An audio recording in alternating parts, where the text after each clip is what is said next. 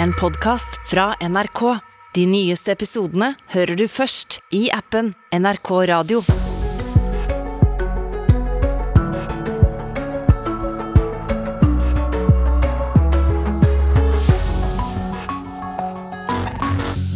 Det er enda noen timer til du kan sette tenna i tacoen, men det er fredag, det nærmer seg helg, og denne dagen er det også Nyhetsmorgen i NRK P2 og NRK1.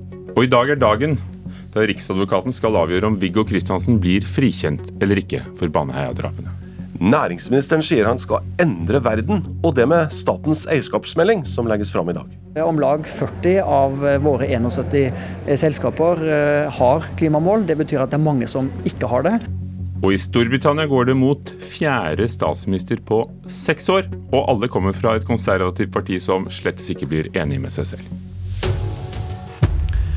Og så får Flyktninghjelpen en slags nobelpris for den humanitære bistandsbransjen. Vi skal gratulere Jan Egeland om litt. Nyhetsmorgen i dag ved Ugo Fermariello og Jon Branes. I dag avgjør altså Riksadvokaten om Viggo Kristiansen skal frikjennes for drapene i Baneheia for 22 år siden. Han ble dømt til 21 års forvaring for voldtekt og drap på to jenter i nettopp Baneheia i Kristiansand i år 2000. Kristiansen har hele tiden hevdet sin uskyld, i fjor fikk han gjenopptatt saken, gjenopptatt saken etter syv forsøk. Politiet i Kristiansand fortsetter letinga for fullt etter to jenter på åtte og ti år som har vært savna i friluftsområdet Baneheia siden i går kveld. I 2000 ble Stine Sofie Sørstrønen og Lena Sløgedal Paulsen funnet drept i Baneheia. Jentene reiste for å bade ved 1830-tiden og ble meldt savna sent om kvelden. Da kan jeg bekrefte at vi eh, klokka 20.37 eh, fikk melding om at to døde jenter er funnet i Baneheia i Kristiansand. Retten og en samlet norsk presse var overbevist om at Viggo Kristiansen sammen med Jan Helge Andersen var skyldig. Kristiansen har hele tiden nektet straffskyld, men ble dømt til 21 års forvaring for voldtekt og drap på begge jentene. Nye undersøkelser viser at det finnes ingen konkrete bevis på at han var på åstedet. Han har i mange år jobbet for å få gjenåpnet saken, og etter syv forsøk fikk Kristiansen gjenåpnet straffesaken i 2021. Det har man besluttet med bakgrunn i at det foreligger nye bevis eh, som ville ha kunnet medføre en rimelig mulighet for at eh, saken kunne ha endt med frifinnelse. Sa leder for gjenopptakelseskommisjonen Siv Hallgren i et intervju med NRK i fjor.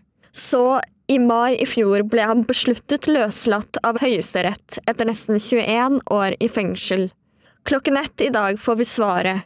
Da avgjør Riksadvokaten om Viggo Kristiansen skal frikjennes for Baneheia-drapene eller ikke. Blir han frikjent, vil denne saken bli husket som et av de verste justismordene i moderne norsk rettshistorie.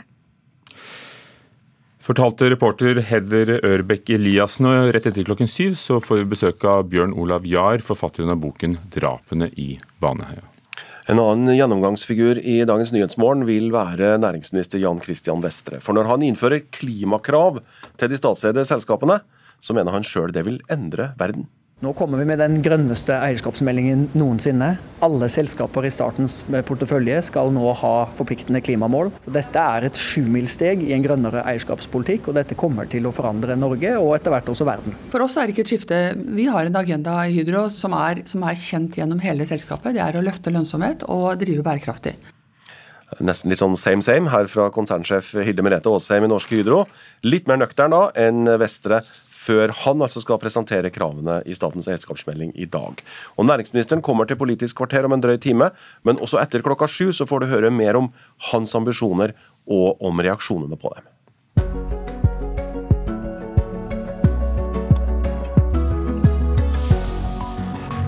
Og så er det den store saken som EU-landene er opptatt av for tiden, nemlig energikrisen og energien som mangler pga.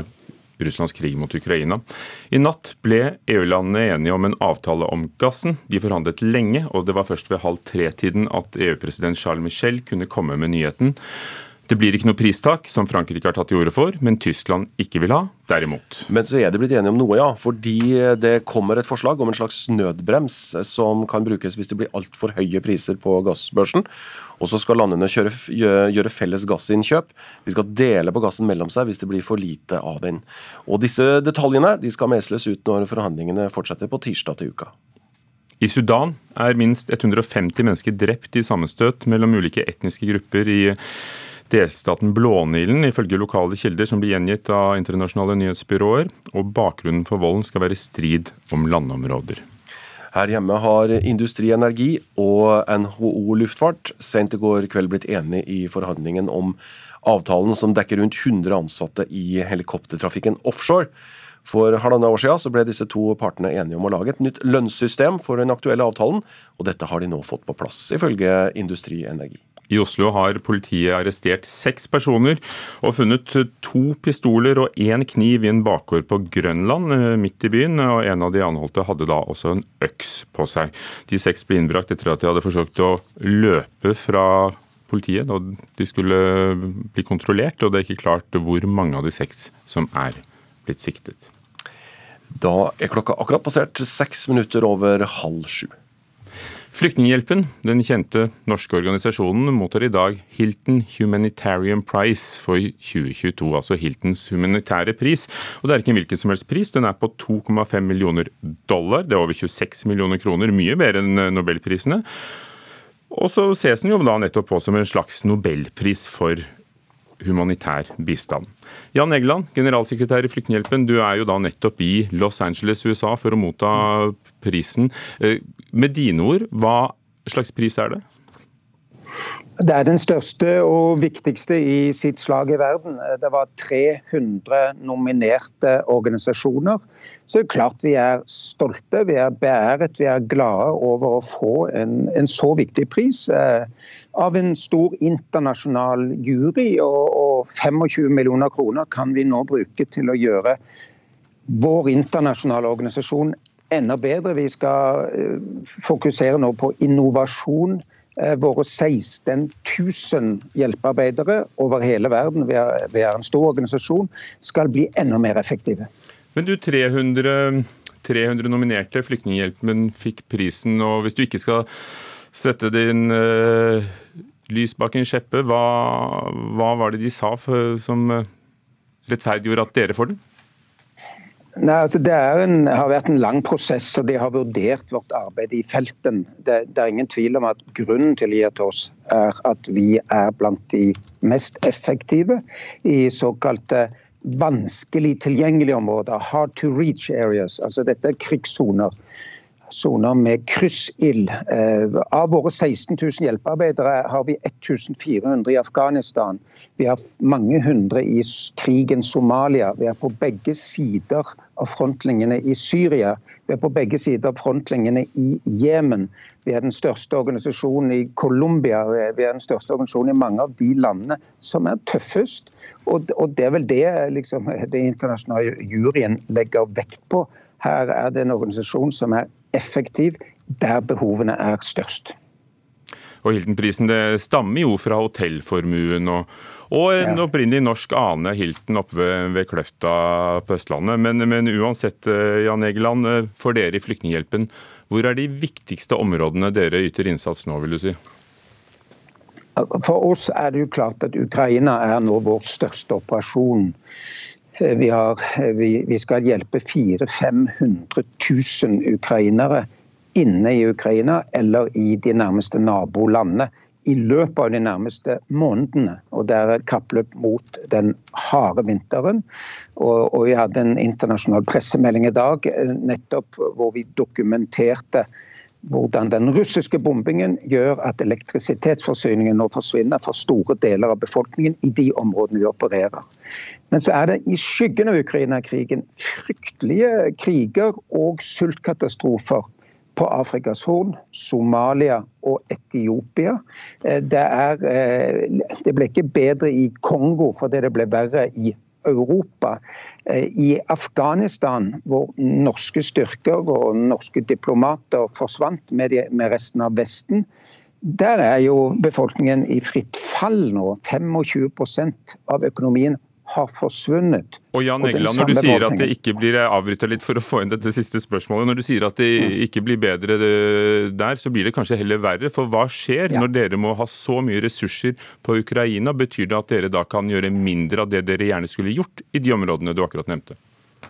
Nå, nå, har vi heldigvis i år fått fra det norske folk, men også fra 15-20 giverland, herunder Norge, tilleggsressurser til Ukraina i år. Neste år er jeg mer bekymret. Og, og til og med Norge reduserer den andelen av vår rikdom vi gir nå den tredje verden til utviklingslandene. Eh, Søkkrike Norge sier at neste år skal vi ikke gi 1% lenger. Vi skal gi 0,75% Sverige reduserer også med en ny regjering. Men det er prosentet, Det skal vel... Men uh, dette er en klar politisk oppfordring med, altså, om årets bistandsbudsjett. Uh, ikke sant ja eller nei, Jan Egeland? Ja, det er det. Og vi vil kjempe for den ene prosenten. Generalsekretær i Flyktninghjelpen i Los Angeles for å motta Hilton Humanitarian Prize. Takk skal du ha.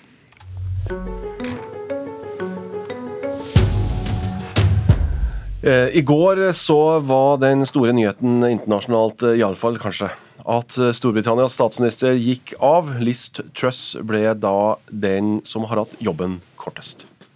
I cannot deliver the mandate on which I was elected by the Conservative Party. I have therefore spoken to His Majesty the King to notify him that I am resigning as leader of the Conservative Party. Og Da Truss varsla sin avgang, så hadde allerede 17 konservative parlamentarikere gått offentlig ut med krav om at hun måtte gå av. Det tallet bare økte på. Nå må altså det konservative partiet finne enda en ny statsminister, den fjerde på seks år. Kristina Solli Ektvedt, du er tidligere rådgiver for konservative parlamentarikere i det britiske underhuset. Velkommen tilbake til Nyhetsmorgen. Takk. Hvorfor greier ikke torgene å bli enige med seg sjøl? Eh, det er et veldig godt spørsmål. Man trodde jo at eh, Liz Truss, eh, en av hennes viktigste oppgaver som ny statsminister for 44 dager siden, skulle være å forene partiet. Hun har jo faktisk gjort akkurat det motsatte. Den splittelsen som allerede var i partiet, har nå blitt enda dypere. Så ehm, spørsmålet nå er om de klarer det denne gangen. Det skal jo velges en ny leder nå i uken som kommer. Hva slags krise er dette for det britiske konservative partiet? Eh, det er en veldig alvorlig krise, ehm, og jeg vil si at det er hovedsakelig fordi at ved eh, å introdusere dette minibudsjettet som eh, skremte markedene og ehm, ga veldig store konsekvenser for økonomien til den vanlige britiske borger, så har Liz Truss klart å ødelegge den eh, troverdigheten på økonomisk styring som de konservative eh, har hatt. Eh, man kan jo kritisere dem for mye, men det har alltid vært en, en Det som har blitt sagt, at de styrer økonomien med stødig hånd. Og den troverdigheten har nå fått seg en smell. Samtidig så hadde jo da Boris Johnson over tid svekket en annen viktig sånn pilar i det konservative partiet, og det er at vi er ærlige. Han, han med Partygate, så eh, ødela jo han den troverdigheten. Så akkurat nå så eh, tror jeg ikke de fleste parlamentarikerne i, i, partiet er redde for å miste neste valg. De er jo redde for å få en repetisjon av 1997, hvor Tony Blair kom til makten og alle disse sikre setene, som det heter, Eh, gikk fra konservative til Labour. Ja, og På meningsmålingene nå så er jo de konservative nesten utsletta. Altså det er flere målinger, men jeg så en der de ville fått fire representanter i Underhuset dersom det var valg i dag. Og Det var jo selvfølgelig en måling som viser et litt ekstremt resultat. Men når de skal velge ny leder nå, er det viktigst da å samle partiet, slik Liz uh, ikke har klart? Eller er det viktigst å bygge oppslutningen? Det er vel en kombinasjon, men eh, på spørsmålet om å finne den samlende kandidaten Ja, det er jo et mål, men jeg, jeg klarer ikke i dag å se hvem Det er ikke ingen som peker seg naturlig ut av de som eh, folk eh, spekulerer vil være en, være kandidater. Og så pga. det som har skjedd nå med Liz Truss, så ønsker de jo at denne lederkampen skal foregå veldig mye raskere enn den i sommer. Så allerede fredag neste uke så skal man ha en ny partileder og statsminister på plass. Og da vil det være sånn at innen mandag klokken to, så for å være med i racet, så må du ha 100 eh, parlamentariske kollegaer til å støtte deg. Og med tanke på at det er 357 konservative parlamentarikere totalt, så vil jo det gjøre at feltet er ganske lite fra start denne gangen. Men Boris Johnson, som altså gikk av i vanære for det kan jo ikke være mer enn et par måneder siden, han vil jo tilbake. Dette høres jo fullstendig bananrepublikk ut. ja, Boris Johnson ville jo ikke gå. Um, han jo, holdt jo fast ved makten eh, over lang tid, nesten et år, hvor folk ropte 'nå må du gå, nå må du gå'. Så det at han ønsker et comeback, det er kanskje ikke så overraskende. Um, det som blir det store spørsmålet, er hvilken fløy av partiet får lov å bestemme um, eller ha siste ordet når det gjelder ny leder. Eh, man skal ikke undervurdere Boris Johnson. Det har man gjort før, og, ikke, og angra på det etterpå. Helt til slutt, Kristina Solli Ektvedt. Andre navn i det konservative partiet som kan være aktuelle nå i denne lederkampen? Ja, eh, Rishi Sunak, som eh, ble nummer to i lederkampen eh, mot Liz Truss, han er jo tidligere finansminister i Johnsons regjering. Han har jo da den økonomiske troverdigheten som partiet nå trenger å reetablere. Han sa jo at dette kommer til å skje dersom man kjører på med skattelette, akkurat sånn som hun gjorde, og som har skjedd. Eh, samtidig så blir han sett på som den som uh, dolket uh, Boris i ryggen. Så han er jo veldig upopulær på den høyre siden av partiet. Kort om, de, kort om de, kanskje to andre? Ja, eh, Ben Wallace han er forsvarsminister. Eh, han er veldig populær eh, blant parlamentarikerne. En stødig, kanskje litt kjedelig type, men jeg tror kanskje partiet trenger det nå. og det siste er Penny Mordant, som er tidligere handelsminister og nå det vi kanskje kaller stortingspresident. Hun stilte jo for Liz Truss på mandag i parlamentet og gjorde en kjempegod figur en veldig god kommunikator, men hun er ikke så erfaren igjen, så om de tør å satse på en litt sånn uerfaren igjen, det, det får bare vi vente og se. Det var Penny Mordaunt som sa 'The prime minister is not hiding under the desk'. Iallfall en replikk som kommer til å leve videre etter denne krisa. Tusen takk skal du ha, Kristina Solli Ekvedt. Og vi slipper ikke den tråden, men skal til London etter hvert også her i Nyhetsmorgen. Klokken er 6.48 hvert øyeblikk. Var Viggo Kristiansen skyldig eller ikke? Riksadvokaten kommer med en avgjørelse om Baneheia-saken senere i dag. Selskapene som den norske staten eier, skal heretter ha forpliktende klimamål. Og boka om Karpe lanseres i dag. Den derre 'nå er dere gamle, syns dere jeg fikk det til', den, den, det er vel det det dreier seg om. Den ukrainske presidenten Volodymyr Zelenskyj mener at russiske soldater har minelagt en eh, demning nordøst for byen Kherson. Det er da byen sørøst i landet. Nå er den tatt av russere. Ukrainske styrker truer den. Den er strategisk viktig. Dette sier han i sin siste videotale. Og hvis denne demningen blir brutt, så vil det føre til enorme oversvømmelser og en mulig atomkatastrofe. Oda Eggesbø eh, Ottesen, utenriksreporter denne morgenen. Hva vet vi om dette så langt? Altså den her Kakhovka-demninga ligger på den sørlige delen av Dneper-elva eh, og holder tilbake 18 millioner kubikkmeter vann.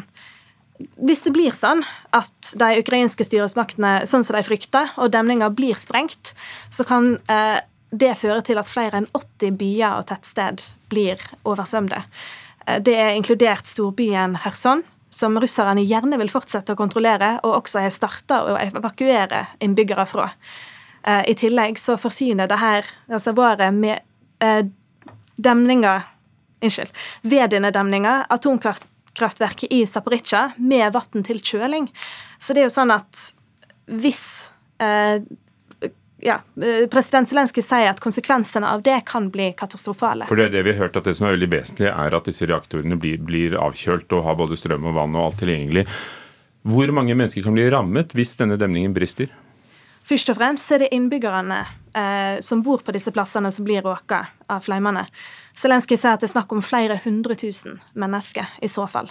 Eh, og ifølge et ukrainsk nyhetsbyrå, Interfax, så kan det også eh, kan også vannforsyninga til en stor del av sørlige Ukra Ukraina bli ødelagt.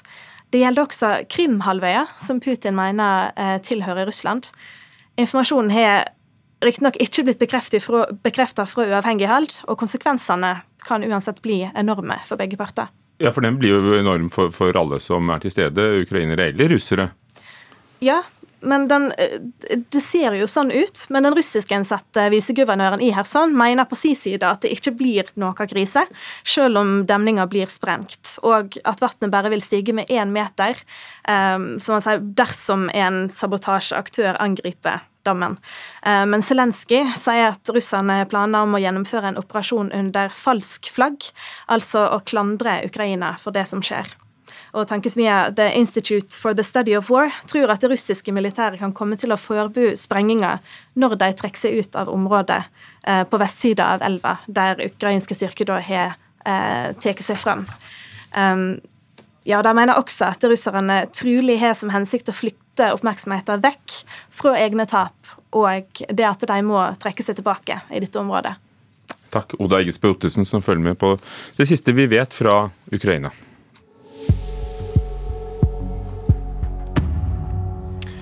Da skal det dreie seg om et av de vanskelige valgene i livet, iallfall for noen av oss. Å velge seg nye ski. Det er viktig for den som driver med dette på fritida, men det er vanskelig og verre for de som lever av det. Som f.eks. Henrik Kristoffersen. For han er god, ikke sant? Han er god. VM-gull, sølv og bronse i OL. En av de beste slalåmkjørerne gjennom tidene, med et antall verdenscupserier som jeg rett og slett ikke har på noen gul lapp. Mestvinnende juniormester har jeg lest meg til. 18 år har han kjørt ski av samme merke, og nå nytt renn. Nye ski, nye muligheter. Og så er det en skjebnens ironi, for han går over til det samme merket som sin tidligere rival brukte, nemlig østerrikske Marcel Hirscher. Ting er på, er på, et detaljnivå og et uh, utviklingsperspektiv. og viljen til å skulle ha det beste mulige utstyret er på en helt annen planet enn det det har vært tidligere. Så uh, det gjør ting utrolig mye lettere for meg. For utstyret har vært viktig for Christoffersen gjennom hele karrieren til nå. Men overgangen til uh, nytt merke har gått helt fint. Altså jeg kjenner Marcel og det apparatet Marcel har hatt rundt seg i sin karriere, er jo det apparatet som mye er rundt meg nå. Eh, og dem har så mye erfaring og er så på, er så skrudd på med alt sammen hva de skal gjøre, at det Mange har sagt at ja, det er en ny utfordring, men jeg, ser, jeg har aldri sett på det som en utfordring i det hele tatt. Men selv om overgangen har gått fint, så har ikke nødvendigvis skiftet av eh, skiutstyr gjort noe med selvtilliten? Nei, Selvtillit får man av å kjøre fort i renn. Når man presterer bra i renn og vinner renn, det er da man får ordentlig selvtillit. Men selvfølgelig hjelper det på litt når det går bra på trening og funker og alt sånt. Men renn er renn og trening er trening. Det er to forskjellige ting. Det veit uh, aktive idrettsutøvere veldig godt. Og Selvfølgelig har man ingen garanti uansett hvor bra man kjører på trening at det skal gå bra i renn. Man må fortsatt gjøre jobben og gjøre de riktige tingene for at man skal lykkes. Men muligheten er nok eh, mye høyere nå at det skal lykkes ordentlig enn det det har gjort tidligere. Så, eh, så da er det bare opp til meg, da. Sesongåpningen i Sølden eh, søndag, der det skal kjøres storslalåm, blir den store ilddåpen for Kristoffersen med nye ski. Altså, jeg, det bryr meg veldig lite, egentlig. Uh, men det kommer nok til å være det mest omtalte hele Sølden-helga. Det er det nok. Uh, det er jo naturlig når uh, Ja. Den beste alpinisten gjennom tidene sammen med Stenmark, da, hvis du tar de to. Når den beste alpinisten gjennom tidene starter eget skimerke, og så én av to personer som vant storslalåmrennet i fjor, og han som vant slalåmkula i fjor, skal kjøre første rennet med det i Sølden i Østerrike. Nå har vært østerriksk skimerke av en tidligere østerriksk største alpinisten i verden, så uh, blir det nok litt prat, ja. Men uh, det lever jeg veldig fint med. Andre hadde nok levd litt verre med det, men uh, jeg er såpass vant til det at det går helt greit. Henrik Kristoffersen, som vår reporter Marianne Kvame Amengual hadde truffet. Boka som heter 'Hjertet i to seks måneder med Karpe blir lansert i dag. Snart 25, 25 år etter at Chirag Patel og Magdi Yttereide Abdelmagid traff hverandre, så har Karpe, eller Karpe Diem, gitt ut fem album og bl.a. vunnet sju Spellemannpriser. I sommer hadde Karpe norgeshistoriens største konsertrekke med ti ganger utsolgt Spektrum. Eh, vi møtte jo liksom 16-åringen på vei ut som var sånn Jeg kan ikke tro det, men eh, vi kan ikke tro det. Hvis du skjønner. Du kan ikke tro det fordi det var fete lys. Vi kan ikke tro det fordi det symbolverdien i dette er bare, bare liksom Vi klarer ikke å skjønne at det er det, Fordi det jo det, det, var jo ikke bare en konsert vi gjorde, det er jo norgeshistoriens liksom, største konsert rekke, liksom. Sier Shirak Rashmikant Patel fra Karpe. Teksten i låta 'Baraffa rus' handler om å vokse opp mellom to kulturer. Nå er det skrevet bok om veien til konsertdrømmen av journalist og forfatter Johan Shanmugaratnam. Jeg har en teori da, om det her. Når vi da nærmer oss 40, og i mitt tilfelle bikker 40, så kommer du oppå den identitetskrisa, så får du også en sånn 40-årskrise. Og noe av det handler om at du selv er blitt voksen, men også at foreldrene dine blir gamle. Og du ser for deg en situasjon hvor de ikke er der lenger, og du selv er den voksne i, i familien. da. Og det utløser jo en masse tanker og følelser som man kanskje ikke har vært forberedt på før man faktisk har blitt så gammel.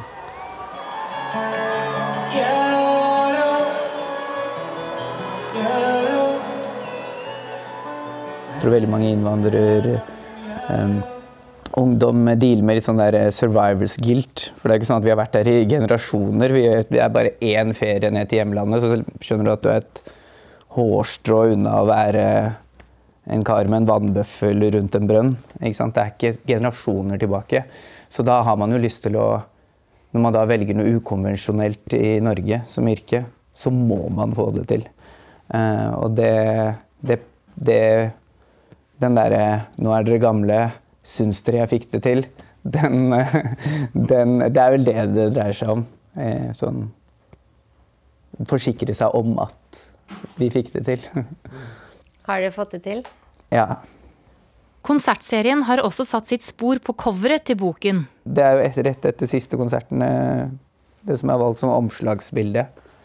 Så vi var jo vi, vi, Og jeg og Magdi klemmer aldri, vi hilser ikke engang. Er jo, det er jo på en måte bare blitt som en sånn del av kroppen kroppen, kroppene til hverandre. Så vi Men vi skjønte at nå, nå krever situasjonen at vi, at vi viser at vi er litt glad i hverandre. Neste år skal de på europaturné. Chirag håper at de blir tatt godt imot. Vi skjønner jo at musikken er på norsk, og at det hovedsakelig er et uh, Publikum kommer hovedsakelig til å være folk som kjenner til Karpe. Men jeg tror virkelig på uh, at uh, spesielt Omar Sheriff da, er et sånt prosjekt som eh, kunne appellert til folk som ikke skjønner norsk også. Det dreier seg om liksom, selve showet, mer enn nødvendigvis bare musikken. At det er jo den opplevelsen vi har med Quickstyle, som nå er jo et globalt fenomen fra Oslo. Og det er en fascinasjon for at det fins en sånn her type demografi av musikere i Norge og Skandinavia, også nede i Europa, at folk syns det er litt spennende. da. At folk er som dem, men ikke som dem. Og... Så det blir liksom spennende å se. Men eh, så klart, det er jo på norsk ennå. Karpe, Chirag Patel og Magdi Ytreide Abdelmagwid ble intervjuet av våre reportere Kristin Sverre Østensvik og Aida Korami. Og nå, Jon, skal du fortelle om en nekrolog i Washington Post. En nekrolog som forteller om dødsfallet til Daniel Smith. Han var ifølge avisa en av de aller siste barna av en slave. Han døde da 19.10 i Washington. Han var 90 år. Da han ble født, var faren allerede 70, og faren døde også da, da Daniel var seks år gammel. Men han husker fortsatt historiene som faren egentlig fortalte til Daniels eldre søsken, om det såkalte wagon wheel, om eh, lynsjetreet og om hvordan slavene ble straffa av sine hvite eiere i USA på slutten av 1800-tallet. Og Dette er historier som eh, Washington Post bruker til å minne oss om det er ikke så lenge siden slaveriet eksisterte i USA.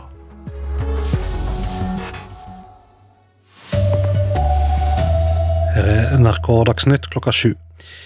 Klokka 13 i dag blir det kjent om Riksadvokaten eh, legger ned påstand om frifinning av Viggo Kristiansen. Han ble dømt til 21 års forvaring for drapet på to små jenter i Baneheia i Kristiansand i år 2000, men har hele tida nekta straffskyld. Gjenopptakingskommisjonen gav i fjor Kristiansen medhold i krav om en ny vurdering. Riksadvokaten kan enten gi ordre om en ny rettssak, eller legge ned påstand om frifinning. Det blir eh, mer om saka i Nyhetsmorgen i P2 og NRK Nyheter etter Dagsnytt. Det har blitt eh, enda mer eh, splitting i det konservative partiet i Storbritannia, med Liz Truss som statsminister. Det sier Kristina Solli Ektvedt, som er tidligere rådgiver for konservative parlamentarikere i det britiske underhuset. Truss gikk av som statsminister i går, og ble med det den som har sittet kortest i jobben noen gang. Man trodde jo at uh, Liz Truss, uh, en av hennes viktigste oppgaver som uh, ny statsminister for 44 dager siden, skulle være å forene partiet. hun har jo faktisk gjort akkurat det motsatte. den splittelsen som allerede var i partiet, har nå blitt enda dypere. Så spørsmålet nå er om de klarer det denne gangen. Det skal velges en ny leder nå i uken som kommer. Sørøst i Sudan er minst 150 mennesker drepne i kamper mellom ulike etniske grupper. Det opplyser lokale kilder til nyhetsbyrået AFP. Bakgrunnen for valgen skal være strid om landområdet. Blant de drepne er det kvinner, barn og eldre, opplyser et sykehus. Lederen for FN sitt hjelpearbeid i Sudan sier han er svært uroa for situasjonen. Næringsminister Jan Christian Vestre innfører klimakrav til statseide selskap. Vestre mener sjøl at kravene vil kunne endre verden. Vestre skal presentere kravene i statens eierskapsmelding i dag. Nå kommer vi med den grønneste eierskapsmeldingen noensinne. Alle selskaper i statens portefølje skal nå ha forpliktende klimamål. Så dette er et sjumilssteg i en grønnere eierskapspolitikk, og dette kommer til å forandre Norge og etter hvert også verden. For oss er det ikke et skifte. Vi har en agenda i Hydro som er, som er kjent gjennom hele selskapet. Det er å løfte lønnsomhet og drive bærekraftig. Hydro-sjef Hilde Merete Aasheim. Utenlandske eiere av norske havbruksanlegg tok ut nær 2,8 milliarder kroner i utbytte i fjor. Det viser utrekninger fra Senterpartiet. Ifølge regjeringspartiet eier utlendinger nær halvparten av aksjene i de fem største havbruksselskapene. Regnestykket fra Sp er utarbeidet som et forsvar av regjeringa sitt forslag om en grunnrenteskatt for næringa. NRK Dagsnytt, Vidar Eidhammer.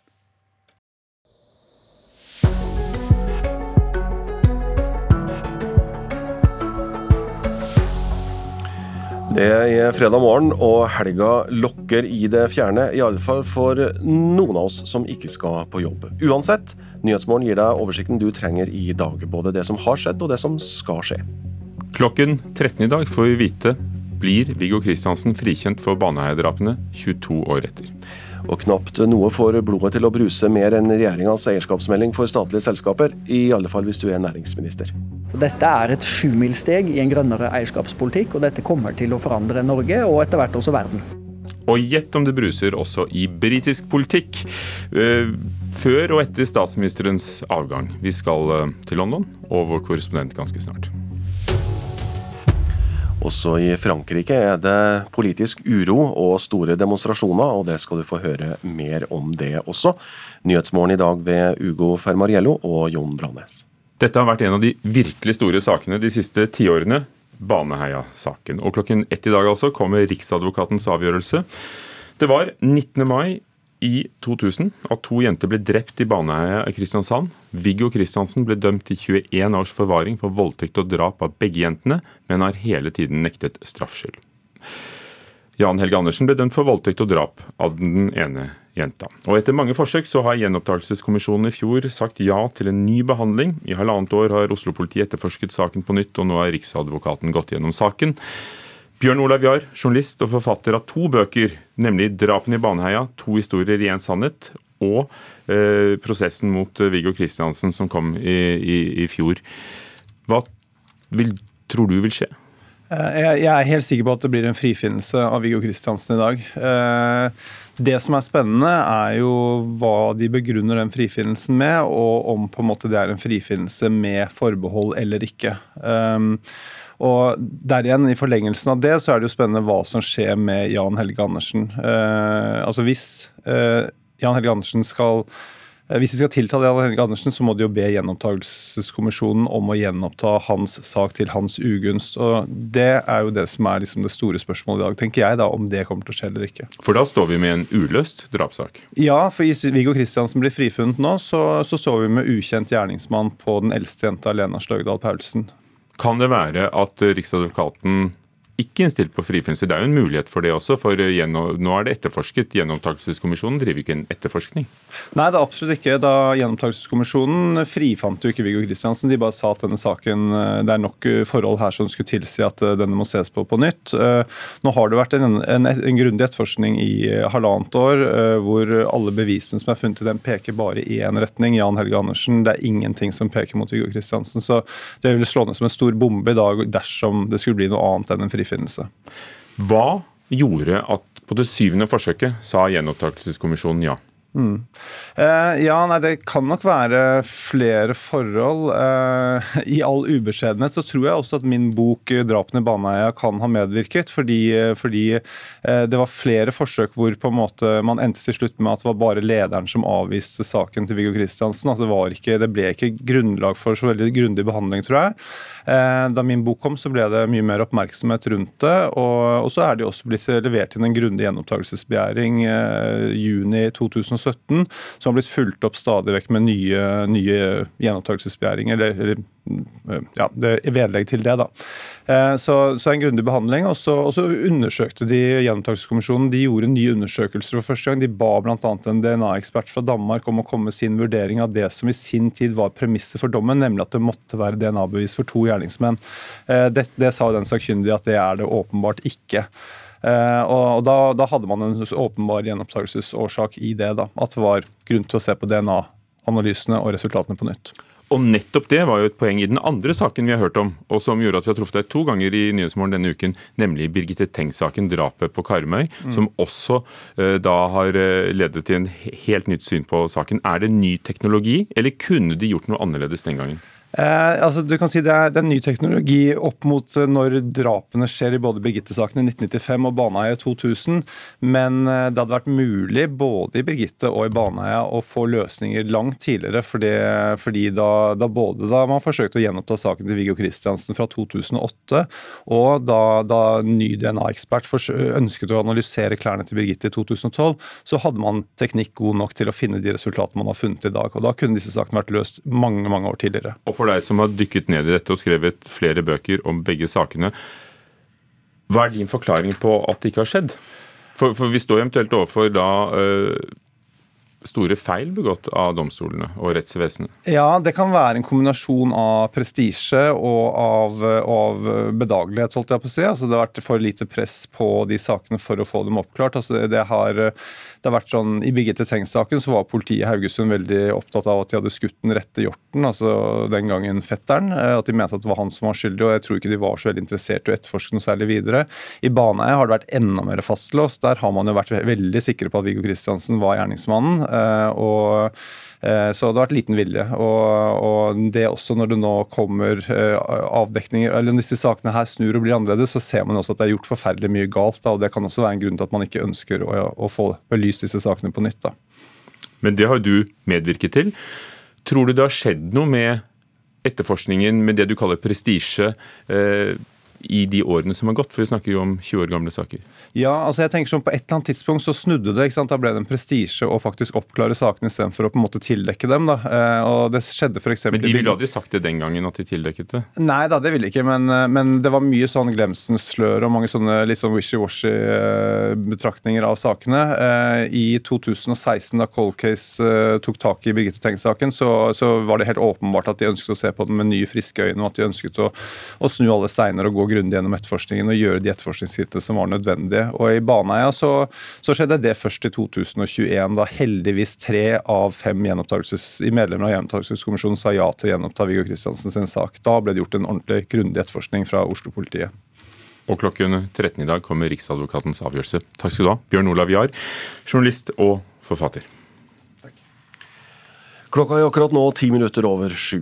Regjeringa legger fram sin eierskapsmelding i dag, og det dokumentet har næringsministeren store ambisjoner med.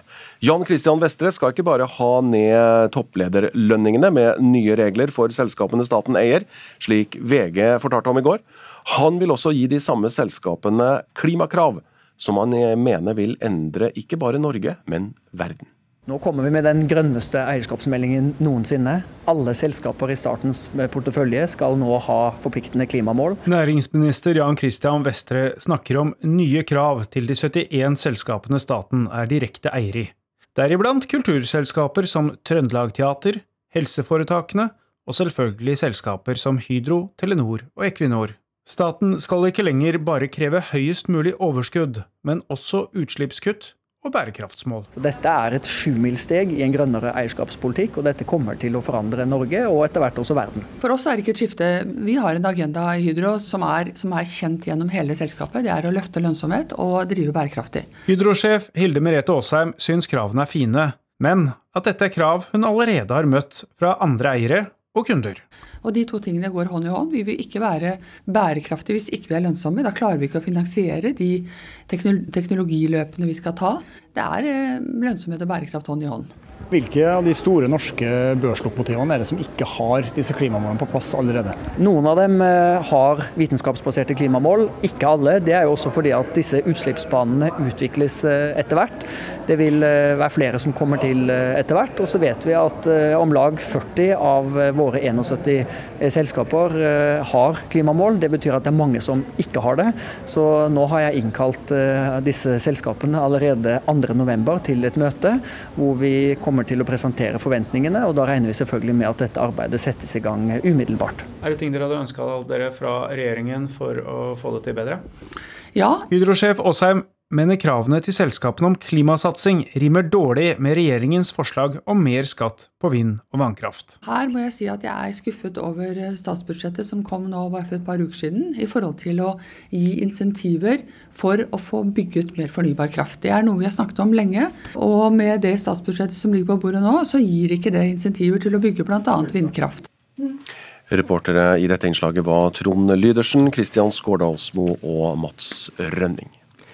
Lilla Sølhusvik, i Politisk kvarter så kommer også Jan Christian Vestre, som vi akkurat hørte. Og der skal dere ikke snakke om eh, bærekraftsmål, men lønningene. Ja, det var en kaotisk dag i Politisk kvarter-redaksjonen. Den enpersonredaksjonen i går, må jeg si. Fordi ingen politikere vil kommentere denne lederskapsmeldingen før de har lest den. Men eh, så kom jo Vestre ut i VG i går kveld med alvorlig, eller ganske dramatiske kutt i lederlønninger og bonuser for eh, disse statlig eide selskapene. Og dette er en kritikk som diverse næringsministre har fått kritikk for, altså har blitt kritisert for i ti år, faktisk. Han sier nå at han vil gjøre noe med det. Og Berit Svendsen, som er styreleder i Vy-gruppen, hun frykter at eh, så dramatiske kutt som han kommer med nå, vil føre til en lederflukt fra statlige selskaper. Vi kan høre her. Bedriften er jo viktig, hva slags tilstand bedriften er. Gjerne en spennende omstillingsjobb, men det er jo også den totalkompensasjonen man kan få som leder. Eh, så jeg tror at privat sektor vil, eh, vil kunne i større grad tiltrekke seg eh, de beste lederne, også de beste talentene. Men holder det ikke at jobben er interessant i seg selv? ja, det For noen er det jo det, men for andre så, så teller jo også totalkompensasjonen. Så sånn er det. Så hvem fikk du da, Lilla Sølesvik, eh, på tampen av kvelden i går til å komme i Politisk kvarter? Faktisk skal jeg ha med to tidligere næringsministre i Politisk kvarter i dag. Den mest relevante i denne sammenheng er Torbjørn Røe Isaksen, som ikke gjorde dette sjøl, men som nå sier at han tror faktisk at Vestre mener alvor denne gangen. Og så skal jeg ha med eh, tidligere næringsminister tidligere nestleder i Arbeiderpartiet, Trond Giske, men han skal snakke mest om eh, Tranmelfestivalen, som han, som skal, han skal lede nå i helga, som går eh, under mottoet 'interessant og trivelig'. Og det kan man kanskje trenge i Arbeiderpartiet om dagen. Politisk kvarter om en halvtime. Interessant og trivelig. Er ikke politikken dit vi skal nå? Det er litt usikker på om det preger det konservative partiet i Storbritannia. I have therefore spoken to His Majesty the King to notify him that I am resigning as leader of the Conservative Party. I går ble det altså klart at statsminister Liz Truss går av som statsminister og som partileder, for de to jobbene henger sammen. Det konservative partiet må dermed velge seg en ny leder, og dermed ny statsminister. Den personen skal være, plass, eh, være på plass om en uke. London-korrespondent Gry Blekastad Almås, hva er det toryene, som de kalles, står overfor nå? Jeg må jo si at det er interessant, da, selv om det kanskje ikke er trivelig. Ja, I, ja, alt som skjer uh, i politikken her nå, og i det konservative partiet. De står jo overfor en formidabel oppgave med å bygge seg selv opp igjen som et uh, si styringsdyktig parti, etter da uh, å sluke den ene statsministeren etter den andre. Men nå er det altså en ny lederkamp i gang, og det betyr jo også mer uro og, og mer splittelse, og, og bl.a. da et potensielt comeback av Boris Johnson, noe som vil bidra til den eh, splittelsen igjen. Eh, men dette er jo et parti som nå må vise at det er det britiske folk som står i sentrum for dem, og ikke seg selv, eh, som de er blitt beskyldt for eh, i den siste tiden. Altså, La oss ta Boris Johnson først, Gry. for Vi snakka litt om Storbritannia i Nyhetsmorgen for eh, noen minutter siden. og eh, når vi kom inn på Boris Johnson, jeg kom nok til å bruke ordet bananrepublikk. For det er den følelsen man sitter igjen med. Han gikk av i vanære for svært kort tid siden. Og likevel så skriver Daily Telegraph at nå er han på vei hjem fra ferien sin i Karibia og har helt åpenbare ambisjoner om å ta over igjen. Går det an? Nå er det ikke banan, men salat politikken her uh, sammenlignes med, etter at uh, isbergsalaten da vant over Liz Truss i varighet.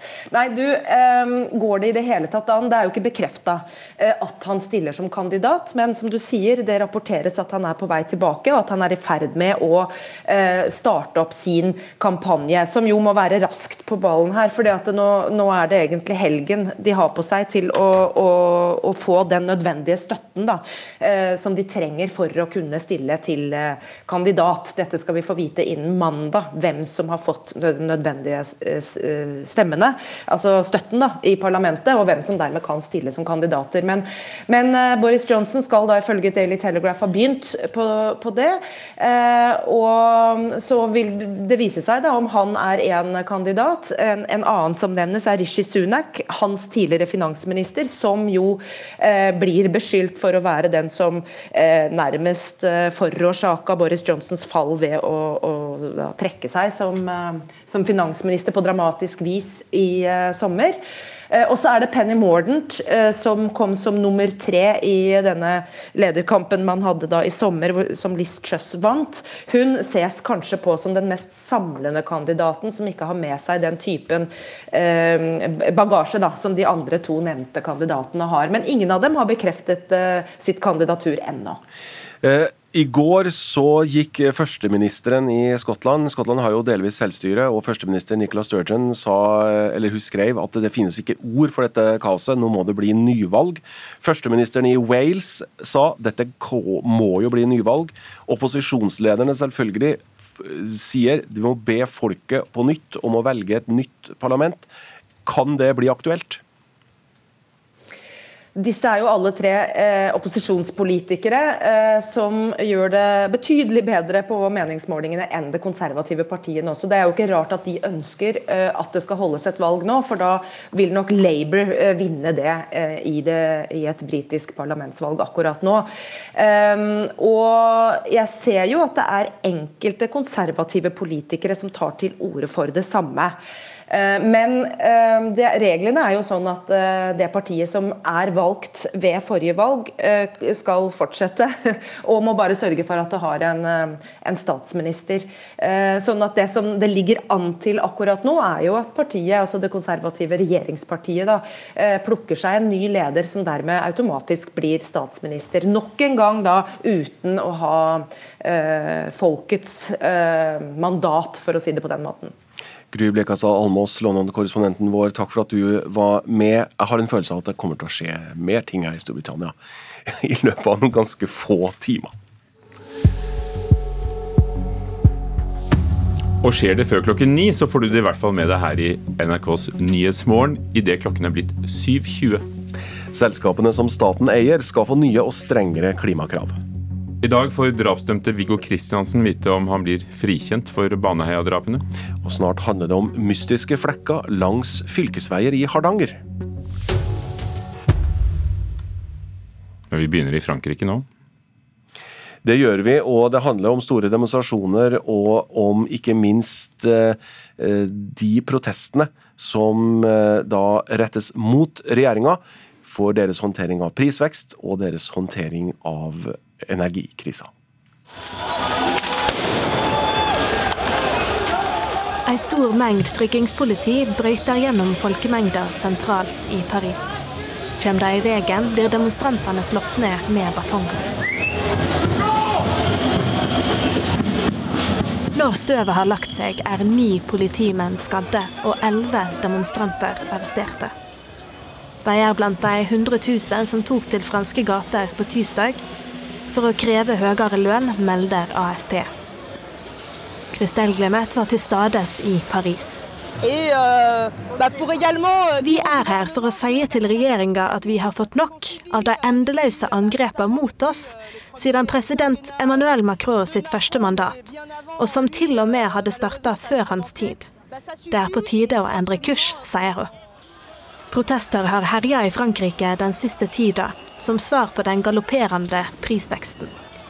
Demonstrasjonene forsterker en pågående streik blant raffineriarbeidere, som de siste dagene har tømt bensinstasjoner for drivstoff og vekt raseri blant franske bilister.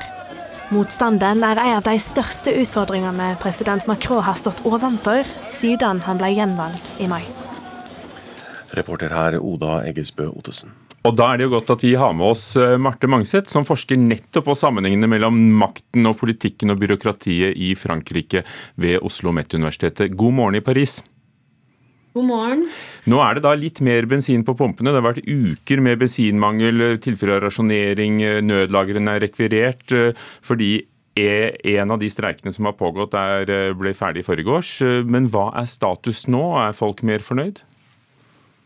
Nei, altså det, det, det, er nok ikke slutt på protester fra befolkningen i Frankrike. fordi at uh, situasjonen for veldig mange er jo veldig annerledes enn den for de som jobber i akkurat disse uh, energiselskapene. Energiselskapene har jo tjent enorme penger den siste tiden, så de har jo egentlig mulighet til å uh, øke lønningene for sine ansatte. Men veldig store deler av fransk befolkning da opplever den enorme prisveksten eh, har lite å rutte med, men jobber på steder hvor det ikke er så mye penger å komme eh, de protesterende i møte med. Så grunnlaget for fortsatt store protester videre er ganske stort. Den store streiken som var denne uken på tirsdag, det handlet jo også om, da, om støttestreik til disse raffineriarbeiderne. Mm. Men eh, Venstresiden stiller seg jo selvfølgelig bak det. Men har det støtte i de brede lag av befolkningen? Eh, jeg tror nok eh, folk syns det er fryktelig vanskelig å plutselig ikke kunne få tilgang på bensin. Det blir veldig kritisk. Det er jo noe med disse menneskene som kan eh, streike og få så mye oppmerksomhet fordi at det, det, streiken griper så veldig inn i folks liv. Denne gangen var det de som jobber i raffineriene, og det går utover bensinen. Men ofte så er det jo de som jobber i andre deler av transportsektoren, i offentlig transport, altså tog, T-bane, sånne ting. Og det, det, gjør jo livet veldig vanskelig for vanlige folk. sånn at det er nok mange som er ganske misfornøyd med det. Men samtidig så deler de jo det, den bekymringen, at prisveksten er stor både på matvarer, strøm osv. Så, videre. så de har nok stor forståelse for kravet om høyere lønn, og at det kravet er veldig legitimt for akkurat de som jobber i eh, firmaer hvor det har vært enorme eh, gevinster. Venstresidens leder eh, Jean-Luc Mélenchon gikk da forrest i toget sist søndag, sammen med nobelprisvinner Annie Ernaux, eh, forfatteren. Eh, er dette typene som er egnet til å samle folk bak seg og, og kanskje få, legge press på Macrons regjering? Begge disse to er jo veldig intellektuelle, beleste, dannede mennesker og sånn sett lite representative. Men altså, Mélenchon klarte jo faktisk altså Han har både klart å mobilisere veldig mange i forbindelse med valg, og han klarte jo også det kunststykket det var å samle flere av partiene på venstresida til en koalisjon før eh, parlamentsvalget. Så det, Sånn sett så burde han ha liksom politisk kraft til å kunne gjøre mye. Men Eh, Mélenchon har ikke klart å gjøre så veldig mye etter parlamentsvalget. Det er ikke blitt en sterk eh, kraft i parlamentet. Så hvorvidt de også klarer å, å liksom, eh, bruke denne bevegelsen og gjøre noe politisk ut av det, det er høyst usikkert. Så hva tror du Marte Mangset, vil, hva skal til for at protestene legger seg? Hva kan Macron gjøre? Jeg vil tenke at dette er ganske vanskelig nå, fordi at eh, altså, Frankrike, eh, akkurat som Norge, der merker folk at prisene stiger, at det er økonomiske utfordringer. Men i Frankrike er det mange flere mennesker som har lave lønninger. Eh, gjennomsnittslønnen er mye lavere enn i Norge. Det er mye større andel av befolkningen som virkelig sliter med å få endene til å møtes. Så jeg tror at liksom grunnlaget for protester det er der, og det kommer ikke til å forsvinne med det første. Samtidig så er det vanskelig for Macron å gjøre gjøre så veldig mye med det, gitt at nettopp de bedriftene som skal betale lønningene, også har store utfordringer og har vanskelige tider pga. energiprisene, høye priser på råvarer osv. Dette er ting som er vanskeligere å styre politisk enn f.eks. da gulvestopprøret i sin tid var, eh, liksom ble utløst gjennom en protest mot en spesifikk skatt. Da kunne han jo ordne det i og for seg ved å droppe den skatten, men nå så er, eh, kan man si at politikken har mindre kontroll over eh, den økonomiske utviklingen utviklingen. Og det er jo spennende å se i, liksom, litt i stort hvorvidt eh, EU f.eks. klarer å, å lage fell, en felles politikk for å gjøre noe med situasjonen. Akkurat nå er jo samarbeidet med Frankrike og Tyskland dessverre litt dårlig, så vi får se hva som skjer framover. Vi får se. De er ikke helt enige om hvor mye gassen skal koste. Takk skal du ha, Marte Bangseth, førsteamanuensis ved Oslo Met, med oss fra Paris. Hør nå om mysteriet i Hardanger. På flere smale partier på fylkesveien i Kvam og Kvinnherad har det dukka opp malingsflekker på fjellet i veikanten i rødt og oransje, men ingen vet hvem som har malt dem. Vi Ser jo eh, disse her eh, litt merkverdige farvene som er på, på bergnabbene bortover, som jeg lurer litt på. Nei, Det ser jo litt uh, skummelt ut når det er merket med forskjellige farger opp etter fjellsidene. Når en kommer kjørende på fv. 576 mellom Tørvikbygd og Munheim i Kvam, på de smale partiene der bergnabbene stikker litt ut, så har det kommet opp målingsflekker i rødt, oransje og gult. Det er den store snakkisen. For hvorfor har det dukka opp, og hvem har gjort det? Det tror jeg veldig mange lurer på. Og eh, jeg har ennå ikke klart å finne ut av det. De første flekkene dukka opp i vinter, og siden så har det kommet flere, og på mange nye plasser. Annet på fv. 48 mellom Gjermundshamn og Eikelandsosen. Det er det ingen som koser seg med det om kvelden, tror jeg, av natta. Det sier Leidul Bratli. Han jobber i Mesta og kjører daglig på veien. Jeg syns det er litt morsomt dette her, da. Ja, For du veit ingenting om uh, hva dette her er som har kommet uh... Nei aner ikke hva, hvem, så, hvem og hva, om det er en institusjon eller det er noen andre som driver med det, da vet ikke jeg. Så spør de ofte om, det er nok, eh, om jeg vet noen. Og samme spør gjerne igjen om noen måneder etterpå om jeg vet noe. Nei. Så det er det store mysteriet dette her? Det er et mysterium, ja. Det er litt artig at vi kan ha det òg. Det har vært diskutert mange ulike teorier, alt fra fantestreker til veiutbedring.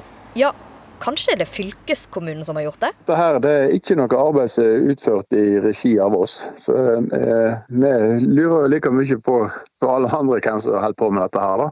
Vi har prøvd å forhøre oss litt i lokalmiljøet rundt omkring. Vi har snakka med entreprenøren vår om de vet hvem som holder på med dette. her. Men eh, nei, det er ingen som kjenner til det, hvem som utfører dette. her. Det sier byggeleder i Vestland fylkeskommune, Roger Lemme. Jeg vil jo tro at dette her er gjort i beste mening fra den eller de som holdt på med det. Det vil jeg tro. Men så er det sånn at eh, det er jo utført for å merke på nubbe og sånne ting. Eh, objekt som har påkjørselsfare, da vil jeg tro. Fra oktober til april så har jo vi stående ute brøytestikker. og Brøytestikkene skal jo fungere som en optisk ledning for trafikantene i, i den mørke årstida. Så du kan si, Vi merker jo veiene sjøl når det er behov for det. Han håper nå at de som har vært ute med sprayboksen, at de slutter med det. Vi ser rett og slett ikke helt poenget med det, altså. Det gjør vi ikke. Og det er jo ikke spesielt fint, det er jo skjemmende, rett og slett. Vi vil jo oppfordre de som holder på med dette, til å slutte med det. Ja, hva var første tanke da når du så det? Nei, Det er noen som har leka seg. Folk lurer jo på det, og av og til er vi inne på samme, samme emne. Det er Hardanger-mysteriet på sitt beste, dette her. Det høres ut som påskekrim i Radioteatret, men det er altså høyst reelle flekker ved fylkesveiene i Hardanger. Reporter her var Tale Hauso. I Nyhetsmorgen i NRK1 og NRK P2 blir det nå Dagsnytt med Vidar Eidhammer i studio.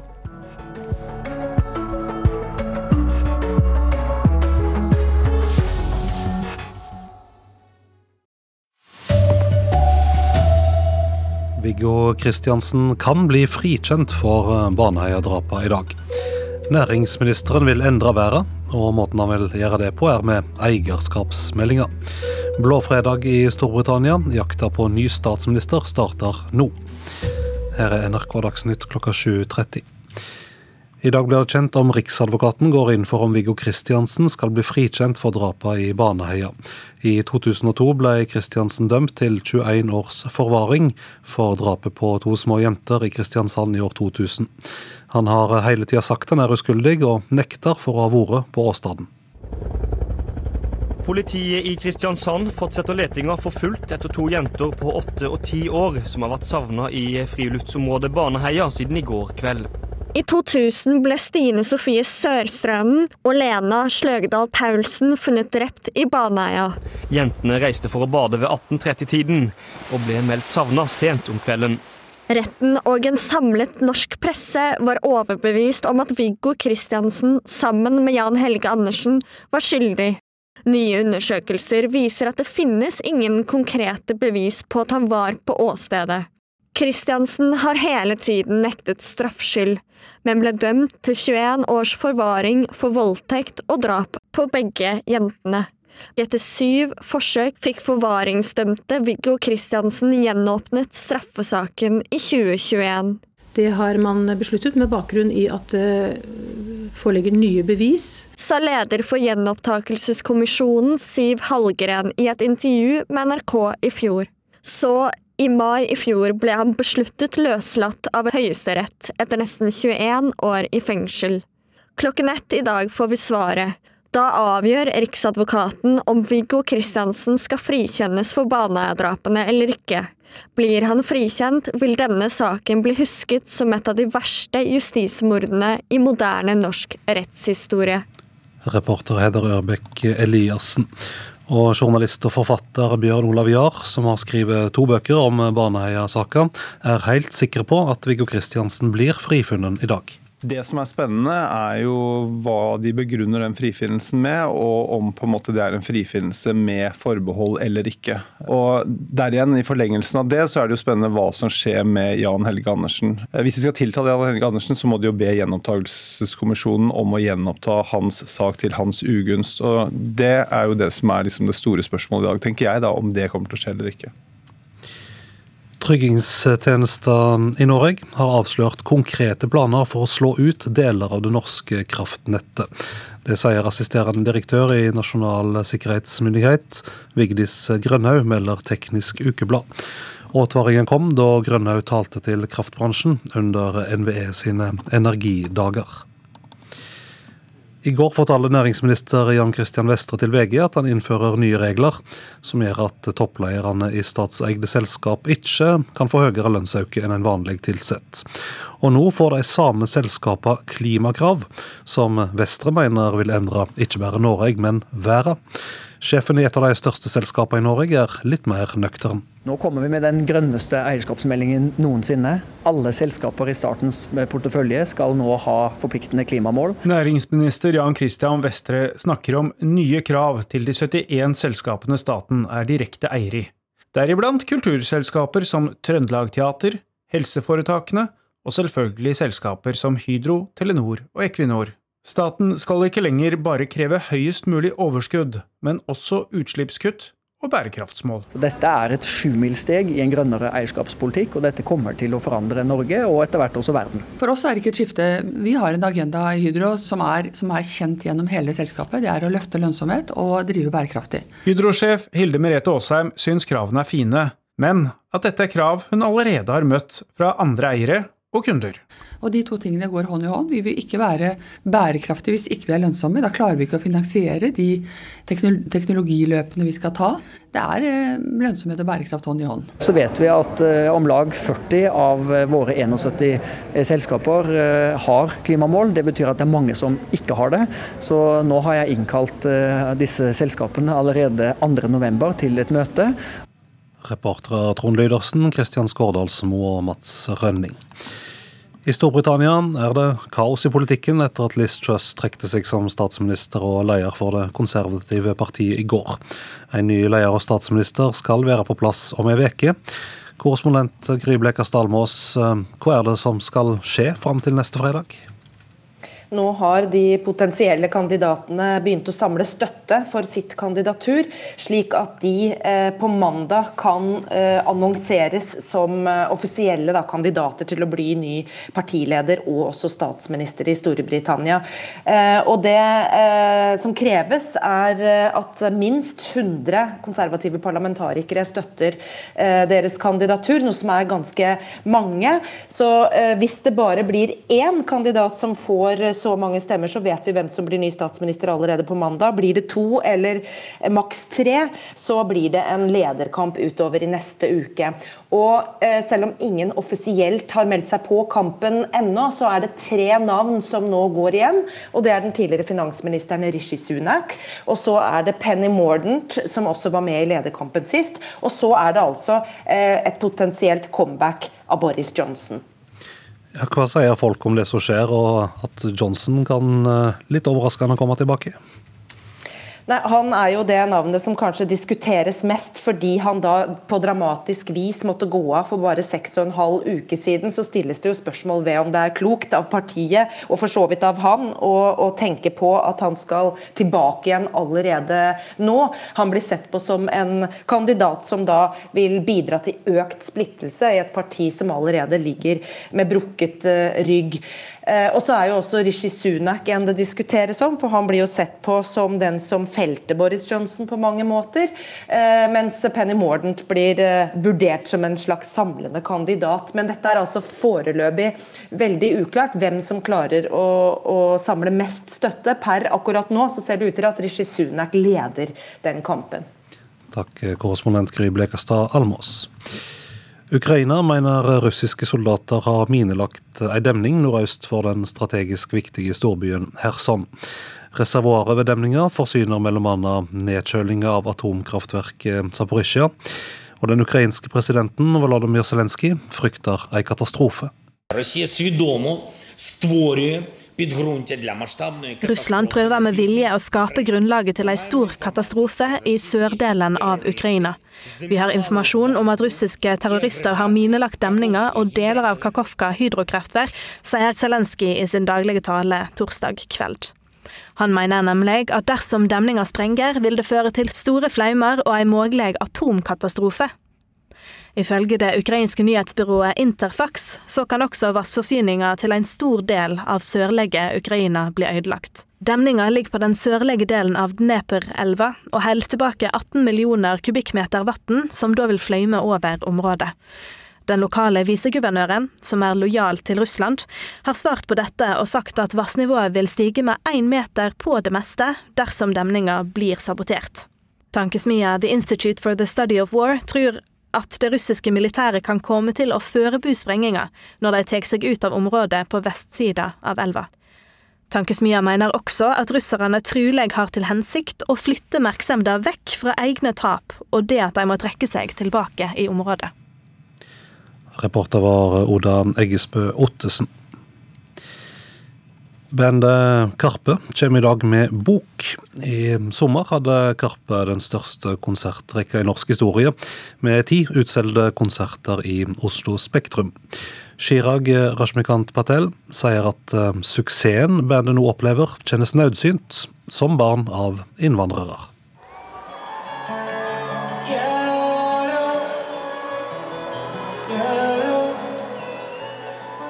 Jeg tror veldig mange innvandrere um, ungdom dealer med litt sånn der survivors guilt. For det er ikke sånn at vi har vært der i generasjoner. Vi er bare én ferie ned til hjemlandet, så skjønner du at du er et hårstrå unna å være en kar med en vannbøffel rundt en brønn. Ikke sant? Det er ikke generasjoner tilbake.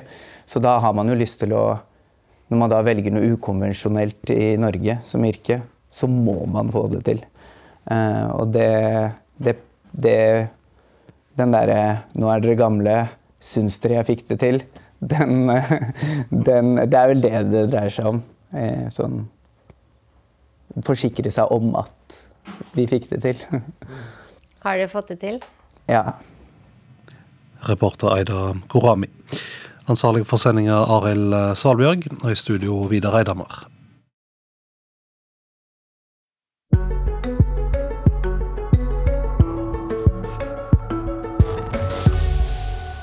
Dette er Nyhetsmorgen, klokka er 7.40. og Hvert år har fastlegene her i landet en halv million konsultasjoner med pasienter som har langvarige og betydelige plager, men der det ikke er noe medisinsk galt å finne.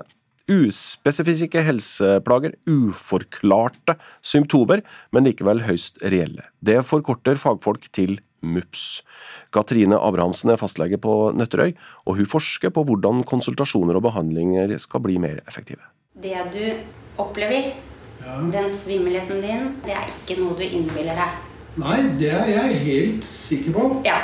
Blir pasientene noe bedre av alle samtalene? Det lurte fastlege og spesialist i allmennmedisin Katrine Abrahamsen på. Det er mange pasienter som ikke får noe sikker diagnose, men som har allikevel veldig mye plager. Og de syns jeg ikke at jeg klarte å hjelpe bra nok. På kontoret på Nøtterøy i Færder kom den ene pasienten etter den andre med medisinsk uforklarte plager og symptomer. De såkalte MUPS-pasientene. Spenningshodepine, eh, irritabel tarm, fibromyalgi, uforklarte smerter, utmattelse, svimmelhet, tinnitus, eh, nedstemthet, følelsen av hjernetåke og ikke kunne tenke klart. Og egentlig en sånn endeløs rekke av symptomer. Det er viktig å finne gode løsninger for MUPS-pasientene. Både for legene, for pasientene og for samfunnet. Det er overforbruk av helsetjenester i denne pasientgruppa. De blir utsatt for overdiagnostikk og skadelig behandling. Eh, og det koster masse penger. Og ikke minst den følelsen av å være enda sykere enn man er. Abrahamsen bestemte seg for å gjøre noe. Hun så nærmere på hvilke spørsmål og setninger pasientene opplevde hjalp, og lagde en ny oppskrift for samtalene med pasientene. Det er egentlig et sånt samtaleverktøy som du kan fra velkommen til pasienten kommer inn, til takk for i dag. I konsultasjonen lager pasienten og legen en mulighetsliste, eller en hjemmelekse om du vil. For mange MUPS-pasienter kan leksa være å hvile nok. Da hviler mor fra tolv til ett. Ikke forstyrr. Akkurat som du går på en treningstime. Så det å strukturere og planlegge hvile kan det stå der. Og det kan stå f.eks. Eh, kanskje gå en tur. 15 minutter. Så ble det forskning. I en kvalitativ studie der åtte leger testa Abrahamsens samtaleoppskrift, viste resultatene at legene opplevde mer mestring i konsultasjoner med MUPS-pasienter. Nå er studien utvida. 100 fastleger har plukka ut 550 pasienter, og forskerne ser på hva som skjer med pasientene. Blir de bedre? Kommer de seg raskere tilbake i jobb? Opplever pasientene mer mestring? Katrine Abrahamsen har tro på verktøyet. Jeg lover ikke at de skal bli helt friske, men jeg håper at de, jeg tror de skal bli bedre. Det tror jeg. Og det tror jeg på. En som også har stor tro på samtalene og hjemmeleksa, er Halvard Håstein en av Katrine Abrahamsens MUPS-pasienter. De plagene jeg har, de, de, går på hele mitt liv. I samtale med Abrahamsen forteller Håstein hvor viktig det er å lande hvilke plager en skal utrede videre, og hvilke en skal lære seg å leve med. For før du har på en måte landa dette er min skjebne i livet, først da kan du jo begynne å håndtere det som skjer med deg i kroppen. Kommunikasjonen må være effektiv, og den må planlegges, mener Katrine Abrahamsen. Hvordan kan vi få mest mulig ut av de minuttene vi har sammen? Så må vi planlegge det på samme måte som vi planlegger å gjøre en kirurgi eller gynekologisk undersøkelse. Du må liksom planlegge, begynne med én gang. Og Resultatene fra forskningen til Katrine Abrahamsen er venta neste år. Reporter her var Randi Nørstebø. Hovedsaker i Nyhetsmorgen. Sikkerhetstjenesten har avslørt konkrete planer for å slå ut deler av det norske kraftnettet, sier Nasjonal sikkerhetsmyndighet. I dag gjør Riksadvokaten det klart om Viggo Kristiansen skal frifinnes for Baneheia-drapene, og EU-landene er enige om en avtale om felles gassinnkjøp og deling av gass landene imellom hvis det skulle bli mangel. Det sies om lederlønninger at om du betaler peanøtter, får du bare apekatter til å jobbe for deg. Men hvem av dem vil lede statlige selskaper framover, spør kanskje programleder i Politisk kvarter, Lilla Sølvesvik.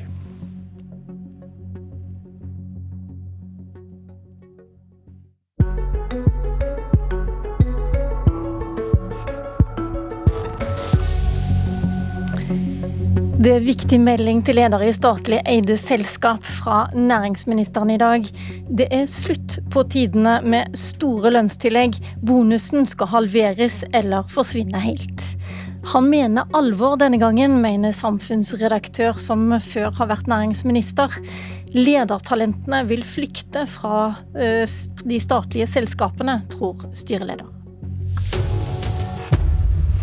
Ja, God morgen og velkommen til denne sendingen hvor gjestene har det til felles at de enten er eller har vært næringsminister her i landet. Det de også har til felles, er at de har stått i stormen når kritikk har rast mot store lønnstillegg for ledere i statlig eide selskaper, som f.eks. Statoil, Telenor, Equinor.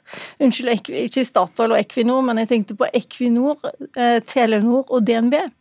Ifølge DN så har lønnsveksten deres vært nesten dobbelt så stor som for befolkningen ellers. Men nå kan det bli en brå stopp. Jan Christian Vestre, dagens næringsminister, du legger fram en eierskapsmelding i dag, og da vil du halvere eller ta bort bonusen i statlige selskap som Equinor og Telenor. Hvorfor det? Ja, Dette er en oppfølging av det vi gikk til valg på, som er å bremse forskjellene i Norge. Vi ser at de som har mest, rykker ifra. Og Da er det selvfølgelig mange verktøy i verktøykassa, men også i eierskapspolitikken skal vi ha tydelige forventninger. Og Derfor så sier vi at uh, selskapene med staten som eier skal selvfølgelig ha de beste folka, men det er ikke ensbetydende med at du må ha skyhøy lønnsvekst hvert eneste år. Og Da innfører vi nå et uh, nytt prinsipp som innebærer at dersom en uh, leder skal ha høyere lønnsvekst enn gjennomsnittet i organisasjonen, og da ser vi også hen til kronemessig tillegg, så skal det begrunnes særskilt på generalforsamlingen, der staten kan stemme imot hvis vi mener at den begrunnelsen ikke er god nok. Og I tillegg så halverer vi maksimal bonus fra 50% til 25% i de kommersielle selskapene. og Da er jo målet vårt at det skal bidra til at vi demper lønnsveksten, og at det etter hvert blir noe mindre forskjeller i disse organisasjonene mellom de som jobber der og de som leder selskapene. Men det betyr at ledere som i dag har lønninger og samla inntekter på 5-10-15 millioner til og med, de kan måtte nøye seg med kanskje 30 000 da, i lønnstillegg fra et år til et annet. Ja, dersom det ikke er en særskilt begrunnelse for at vedkommende leder skal ha høyere tillegg enn de andre i organisasjonen, så kan det et år være tilfellet, ja. Reell, reell lønnsnedgang blir jo det i lengden da? Det spørs jo litt hvordan du måler, om dette skjer hvert år eller ikke. Jeg vil understreke at det er fremdeles styret og den enkelte leder som skal forhandle lønn, men begrunnelsen må legges fram for generalforsamling, og jeg tror jo at dette vil tvinge fram en annen debatt om insentiver i selskapene. Det er ikke bare lønn som avgjør om en er motivert for å gjøre en god jobb. Jeg ser nesten på det som et tillitsverv å få lede disse selskapene. Det er noen av Norges aller, aller mest spennende selskaper med de kuleste oppgavene og de flinkeste folka. Og når du da har 8, 9, 10, 11, 12, 13, 14, 15 millioner i lønn i året, og gjerne enda mer, så bør det ikke være 300 000 i ekstra lønnstillegg fra et år til et annet som gjør deg ekstra motivert. Da tror jeg motivasjonen ligger et annet sted. Vi har spurt en av de styrelederne i et statlig selskap hva hun tenker om det. Styreleder Berit Svendsen i Vy-gruppen er bekymra for lederflukt. Vi kan høre her. Det jeg syns kan være bekymringsfullt, som er viktig å tenke på, er jo at statlige selskaper er veldig avhengig av å ha de beste lederne og de beste talentene. Og hvis man får mye bedre lønn og mye bedre kan du si, utviklingsmuligheter på total kompensasjon utenfor statlig sektor, så kan det gå utover rekrutteringen, at man ikke får tak i de beste lederne, og at de beste talentene kanskje begynner i statlig sektor, men så får de ikke den utviklingen de får i privat sektor sektor, og så vil de på en måte velge seg bort veldig fort. Og det vil jo være synd, fordi det er så mange spennende omstillingsoppgaver som skal foregå i de statlige selskapene. Ja, det ville være synd, sier Berit Svendsen. Hva sier du om det, Vestre? Vi skal ha de eh, beste folka i de selskapene vi eh, eier. Og selskapene skal eh, selvfølgelig ha konkurransedyktige betingelser, men det handler altså om veldig mye mer enn lønn. Eh, og så registrerer jeg jo at dette har blitt en debatt, og det er veldig fint. Og jeg vil gjerne oppfordre også selskaper og andre til å være med i den diskusjonen. Vi forvalter dette eierskapet på vegne av det norske folk. Jeg syns det er fint vi snakker om det. Og så har jeg også fått med Men unnskyld meg, er dette da en, en uh, sak der du sier ja, kjempefint med en debatt, så dette kan vi justere underveis, og så ser vi at uh, litt store ord i starten egentlig fører til ikke så mye, egentlig. Nei, det er kanskje det en er vant til, men eh, jeg har tenkt til å være næringsminister som eh, utretter noe, og jeg mener alvor, og det tror jeg har bevist eh, allerede gjennom disse månedene. Og jeg registrerer også at det er andre tidligere og nåværende styremedlemmer som også synes at dette er et bra forslag. Tidligere styreleder i Avinor, f.eks., som tilhører samme sektor som Vy, mener jo at det har vært altfor mye fokus på lønn som motivasjon, og kanskje at lønnsnivået på noen av de statlige selskapene ligger for høyt. og Det er jo det vi vil forsøke forsøke å, å, bremse med dette forslaget. Du har skrevet en masteroppgave på juss om statlig eierskap i grenseland. Eh, hva skjedde med dette prinsippet om at staten som eier skal ha armlengdes avstand, som ditt parti og tidligere regjeringer har eh, ført? Ja, Det skal ikke misbrukes i den forstand at staten som eier på vegne av det norske folk bør være like aktive som det en privat eier som representerer seg selv er. Og Jeg tror mange har misforstått denne rollefordelingen i selskapslovgivningen som at det betyr at eh, staten skal holde seg borte fra alt. Det er styret og den daglige ledelsen som har det operative ansvaret i selskapet. Jeg skal ikke inn og forhandle lønn med den enkelte, men som en stor og viktig eier det norske folk representerer, så skal vi selvfølgelig ha forventninger til selskapene, og disse forventningene strammer vi jo nå kraftig til i dag. Ikke bare på lederlønn, men også på andre viktige områder. Som vi har hørt på NRK i dag, f.eks. at alle selskapene skal ha vitenskapsbaserte klimamål. og Det handler om at vi ønsker at selskapene skal ha verdiutvikling. Ja, nettopp. Og likestilling har du også vært ute med. Men det er også eh, visse juridiske rettigheter som minoritetsaksjonærene har. Hva om de går sterkt imot dine planer om å begrense lederlønninger? Demokratiske prinsipper følges, og generalforsamlingen er representert ved aksjonærfellesskapet. Noen selskaper eier vi helt ut, andre selskaper er vi majoritetseier, og andre selskaper er vi minoritetseier. Var det en fin måte å si at makta rår på, og dere er størst? Eh, nei, for det, vi er jo ikke alltid størst. Men eh, om vi så ikke er størst, så har vi jo muligheten til å stemme for det vi mener er riktig på generalforsamlingen. Og ikke minst vil jo dette bidra til en debatt på generalforsamlingen. Og jeg tror styrene nå vil tenke seg nøye om, jeg tror også lederne vil tenke seg nøye om, dersom de mener at de fortjener høyere lønnsvekst enn de andre i organisasjonen og allerede har godt over 10 millioner i lønn, så må de jo se om de syns den begrunnelsen er god nok. Og er den ikke god nok, så stemmer vi mot. Og er den god nok, så stemmer vi for. Da jeg sa makta rår, så nikka du, Torbjørn Røe Isaksen, du er tidligere næringsminister, nå er du samfunnsredaktør i E24. Hvorfor gjorde ikke du dette som Vestre gjør nå? Nei, altså dette, dette var, ikke, var, ikke, min politikk, rett og slett. Eh, skal jeg ærlig innrømme. Den gang jeg var næringsminister. Nå er jobben min å forsøke å å forstå det som skjer sett utenfra, uh, som kommentator og, og, redaktør. Men da selvfølgelig med min politiske bakgrunn gjør jo at jeg leser dette på en spesiell måte. Og jeg, jeg tror delvis jeg på, på Vestre når han sier at han mener alvor. Og så er det jo to fallgruber han må unngå. da. Altså Den ene fallgruben er jo at Eh, er jo at eh, hvis alle tolker dette bokstavelig, eh, så vil det jo, som, som, du påpekte, programleder, bety en type reallønnsnedgang. Relativt raskt, faktisk. Og da må man jo passe på at at ikke han havner i krig med masse styrer. Det er, det er, det ingen som ønsker når man er næringsminister. På den annen side så er det jo sånn at hvis den strikken her blir for slakk, hvis det blir oppfattet som eh, ok, vi kan jo fortsatt egentlig gjøre ikke hva vi vil med lønn, staten har signaler, men vi kan fortsatt bare begrunne det, og så vil staten stort sett si for det, så får det kanskje ikke noen konsekvens. Så det er i den balansegangen mellom de to at eh, en næringsminister som mener alvor, må finne sin plass. Hvor dramatiske er disse forslagene hans?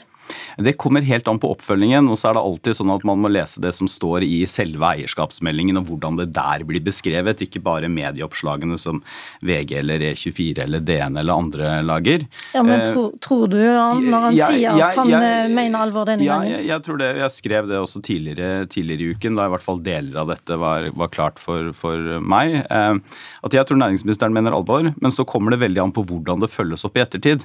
Men jeg tror at eh, nettopp fordi næringsministeren hadde jo en runde med et selskap som het Argentum, hvor ja, nesten hele styret ble byttet ut i vår, så er det et slags signal om at eh, her er det en næringsminister som er villig til å sette makt bak kravene. Men det er klart at den andre siden av det er også at hvis styrene og styrelederne oppfatter dette som en, eh, en inntrenging i deres område, så vil du plutselig få bråk med styrene i de statlige selskapene fremover, og det er nok ikke noe en næringsminister ønsker. Er det en invitasjon til bråk? Nei, Ikke nødvendigvis, men det kommer helt an på hvordan eh, staten og Næringsdepartementet følger opp dette fremover, vil jeg si da. Jeg tror vi skal eh, konstatere at en kommentator er også litt mer forsiktig i kommentarene enn en statsråd, kanskje? Eh, selvfølgelig, men det er, det er vel også jobben. Det er jobben din Eh, og, og som både kommentator nå, men også tidligere politiker, så vet jeg jo litt om også hvordan man strammer litt til og smesker mesker litt til eh, når man skal ut i mediene, men ofte tar det litt ned da når eh, dokumentene skal legges frem. Vi får eh, lese nøye når eierskapsmeldingen legges frem klokken eh, tolv i dag. Takk for at dere kom. Torbjørn Røe Isaksen, tusen takk også til fungerende næringsminister Jan Christian Vestre. Hør Politisk kvarter som podkast når du vil i appen NRK Radio. Og så har vi enda en eks-næringsminister med i denne sendingen. Trond Giske, også under deg var det stor vekst i lederlønningene i staten. Veldig stor vekst, men du fikk ikke gjort noe med det. Er du litt misunnelig på Jan Christian Vestre? Ville du gjort det samme? Ja, eh, han var min politiske rådgiver, og jeg syns han er på veldig riktig retning, så det er bra tiltak. Hvorfor gjorde ikke du det? Ja, Vi gjorde ikke nok. Vi skulle bytte av flere styremedlemmer og sørga for at eh, våre lederlønnsprinsipper ble fulgt. Åh, jeg er sikker på at Harald Norvik med flere gjerne vil kommentere akkurat det, men det skal ikke vi snakke om nå. I dag starter Tranmelfestivalen i Trondheim. Der er du arrangør, som leder for Nidaros sosialdemokratiske forening. Og på en dag da Nettavisen eh, måler Ap-oppslutning på 18,5% så samler du altså 250 sosialdemokrater, og når mottoet er 'interessant og trivelig', hva er prosjektet ditt? Nei, Vi har jo starta et lag som nå har fått over 1000 medlemmer da, i Nidaros eh, sosialdemokratisk forum. Jeg har jo ringt og snakka personlig med over 800 av dem. og Det som går igjen, er at de ønsker seg et sted hvor de kan få si sin mening om politikken. Ta sine hverdagsutfordringer og gjøre det om til politikk i praksis. Så det var inspirasjonen for den festivalen her. At her kan eh, medlemmer og vanlige folk eh, påvirke politikken, møte dem som bestemmer, og så bygger vi bro over den avstanden som mange føler mellom folk og folkevalgte. Du har vært mye ute de siste året med stikk til regjeringen. Kraftkabler og kraftutbygging er ett, eller noen stikkord. Folk som deltar på dine festivaler rapporterer også om jevnlig kritikk av regjeringen. Hva syns du, hvordan syns du det går?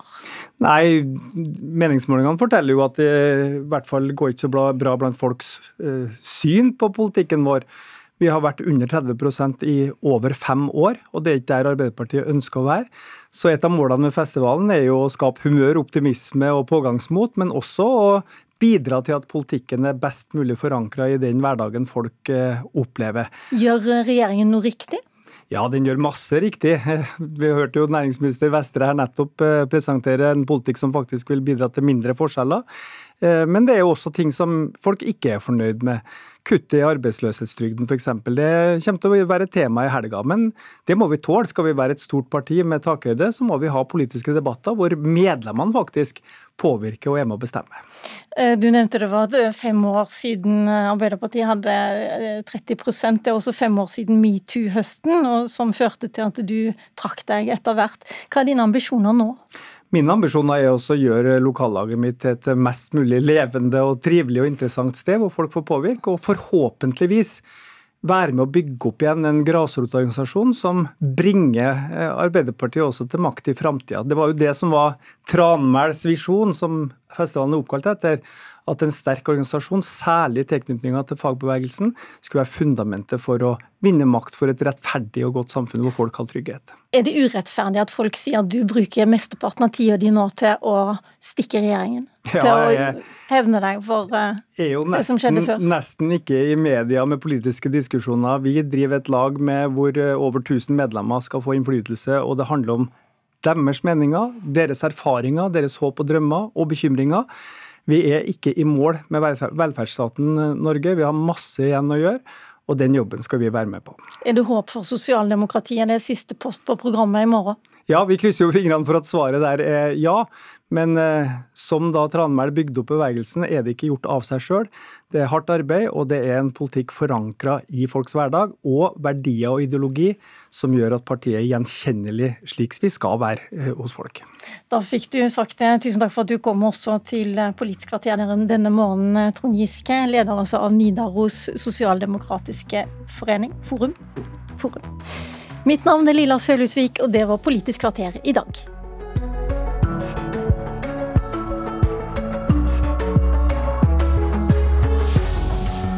Du har hørt en podkast fra NRK.